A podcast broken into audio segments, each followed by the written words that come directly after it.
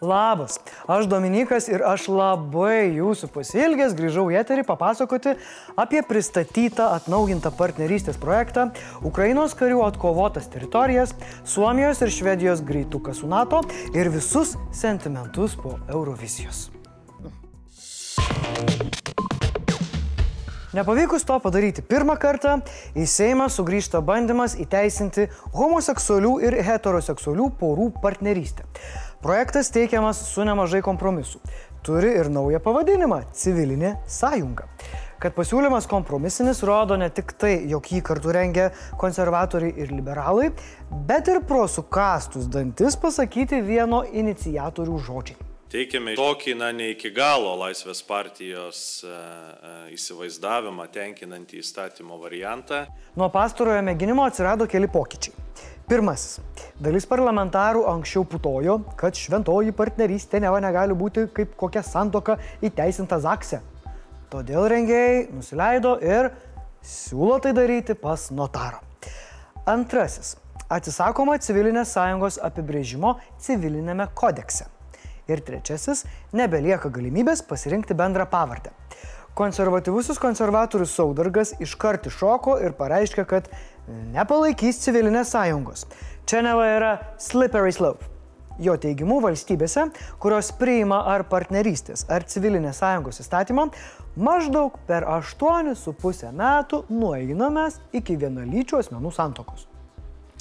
Nežinotiems pasakysiu, kad slippery slope yra filosofinė klaida, kai žmonės sako, aha, šiandien leisim partnerystę, o rytoj robotai galės tuokti su šunimis. Bet kita vertus, pasaulyje yra nutikusių tokių didžiulių negandų, kaip pavyzdžiui, pradžioje moteriams tik balsuot leido, galiausiai baigęs taip, patys žinot. Ir su kelniam vaikšto, ir universitete dėsto. Baisu net pagalvotų. Lietuvos regionų frakcijos atstovė Agnė Širinskenė teikė pasiūlymą išbraukti partnerystę įteisinantį projektą iš Seimo pavasario sesijos darbų programos. Smagu, kad Lietuva keičiasi ir vis labiau nuo rytų tolsta į vakarus. Puikus to pavyzdys katedros aikštėje vykęs visų šeimų renginys ir bent dešimt kart mažesnis kaimo sodyboje vykęs šeimų maršas. Hebra, ką jūs rinktumėtės? Vat šitokias šeimas ar va tokias. Ukrainai išlaisvinant vis daugiau savo šalies teritorijų iš rusų okupantų rankų, aiškėja Rusijos žiaurumo mastai. Pasirodė pranešimai, kad Rusijos kariškiai prievartavo moteris beveik kiekviename išlaisvintame Ukrainos mieste. O pasak Azovo pulko vado pavaduotojo Svetoslavo Palamaro, Azostal gamykloje jau mirė 15 moterų. Junktinės karalystės žvalgyba praneša, kad Baltarusija vis dar vykdo karinės pratybas pasienio teritorijose ir siunčia specialias pajėgas į pasienį su Ukraina.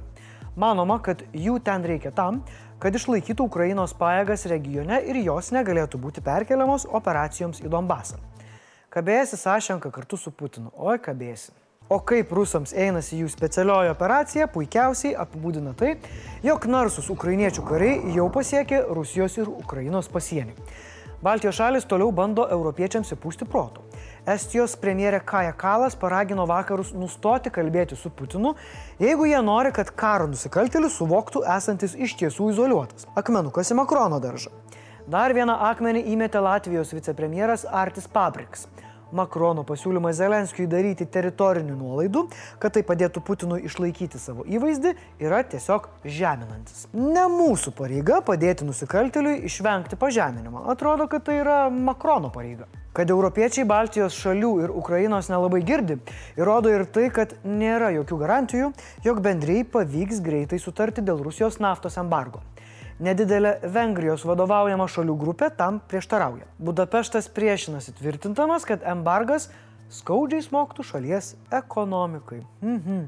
Na, gal ne taip skaudžiai, kaip Budapešto gyventojams smogė Sovietų sąjunga 1956-aisiais.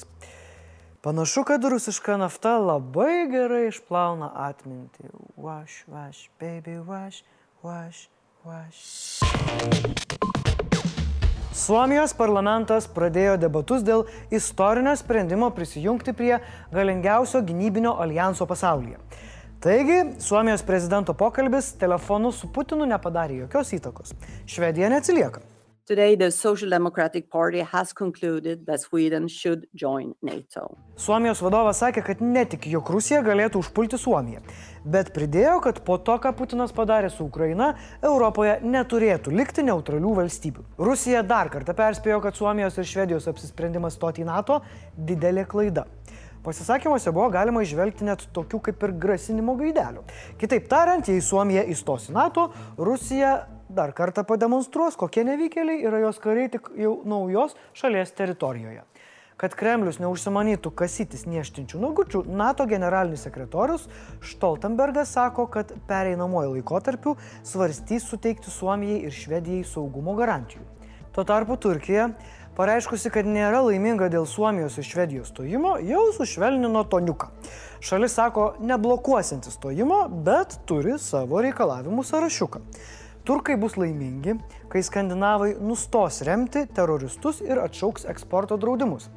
Turkija jau seniai kaltina šiaurės šalis, ypač Švediją slepiant ekstremistinės kurdų grupės.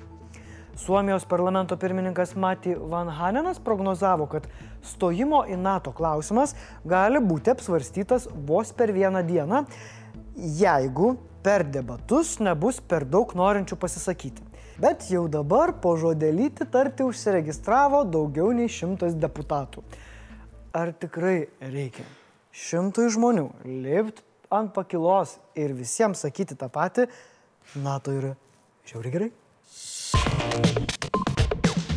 Per pasaulį nu, nu, nu, nusirito Eurovizijos banga. Širdžių ir konkurso nugalėtojais be abejo tapo Ukraina. Thank you for supporting Ukraine. This victory is for every Ukrainian. Slava Ukrainie! Žodžiai Slava Ukraini scenoje buvo draudžiami visų pusfinalių metu. Mhm, čia tipo nemaišykim muzikos ir politikos. Ukrainiečiai finale vis tiek pasakė svarbiausius žodžius. I ask all of you, please help Ukraine, Mariupol. Help Azovstal right now! Стефанія, мамо, мамо, Стефанія, розквітає поле, а вода сивіє. Anot Kaluš orkestro lyderio, grupė buvo pasirengusi diskvalifikacijai. Jūs klausėte gerai, Ukraina laimėjo, bet kur bus rengiama Eurovizija?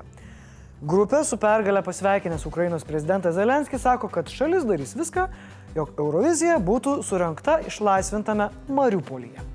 Tuo tarpu sentimentaliausia atlikėja mūsų Monika Liu užėmė 14 vietą ir jau parskrido į Lietuvą. Ji pasakoja, kad tokią vietą užėmė per klaidą. Aš netaip supratau taisyklės, nes aš atsistojau kaip statula, o pasakė, kad tu 14 numeris, aš galvoju, ir aš ir išliksiu 14 ir aš atstovėjau savo poziciją. Monika, aišku, nuostabiai dar ir juokauja. O apie nugalėtojus pasakė tai, ką tikriausiai galvoja visi. Eurovizija būtų beprasminga, jeigu taip būtų buvę kitaip. Aišku, Eurovizija nebūtų Eurovizija, jei būtų išvengta kokių nors kontroversijų. Pasibaigus finaliniam vakarui, renginio organizatoriai išplatino pranešimą apie galimai nesažiningus šešių šalių komisijų balsus. Jų balsai pakeisti pagal nustatytą sistemą išvestais vidurkiais. Po Eurovizijos dar išėjo dvi Ukrainos pasirodymo versijos.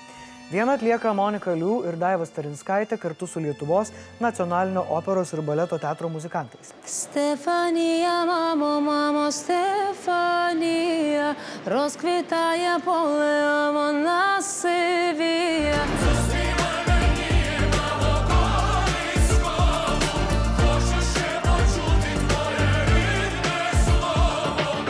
O kitą atlieka patys Kaluš, o klipas yra nufilmuotas Kyivo priemiščiuose, kur rusų keulės vykdė genocidą. Naujieną užbaigsiu labai svarbiais Monikos žodžiais. do not forget the war is happening in Ukraine and just support it. Just donate. Money is important and attention is important. Do it, please. They need us. Blitz naujienos. Pirmąjį šių metų ketvirtį infliacija buvo didesnė nei pajamų augimas, teigia Sodra. Šiemet didėjo atotrukis tarp mažiausias ir didžiausias pajamas uždirbančiųjų. Dar padaugėjo ir žmonių uždirbančių mažiau nei minimalų atlyginimą. Krovinių pervežimo įmonės darbuotojai, kaip manoma, su legaliais kroviniais iš Junktinės karalystės į Lietuvą atveždavo didelės grinųjų pinigų sumas. Pareigūnams įkliuvo neteisėtai gabenti 415 tūkstančių eurų. Įtariama, kad Lenkijoje pinigai buvo iškeisti į eurus, o galutinis taškas turėjo būti Lietuva arba kita ES valstybė. McDonald's pasitrauks iš Rusijos rinkos ir parduos savo verslą šioje šalyje vietos pirkėjui. Pranešama, kad tolesnis verslo Rusijoje vystimas nebėra perspektyvus ir netitinka McDonald's vertybių. Dar kovo mėnesį McDonald's pranešė laikinai uždaranti visus 850 savo restoranų teroristinėje valstybėje.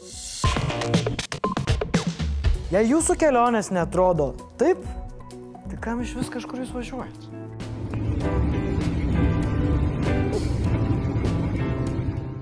Šiandien tiek žinių, susitiksime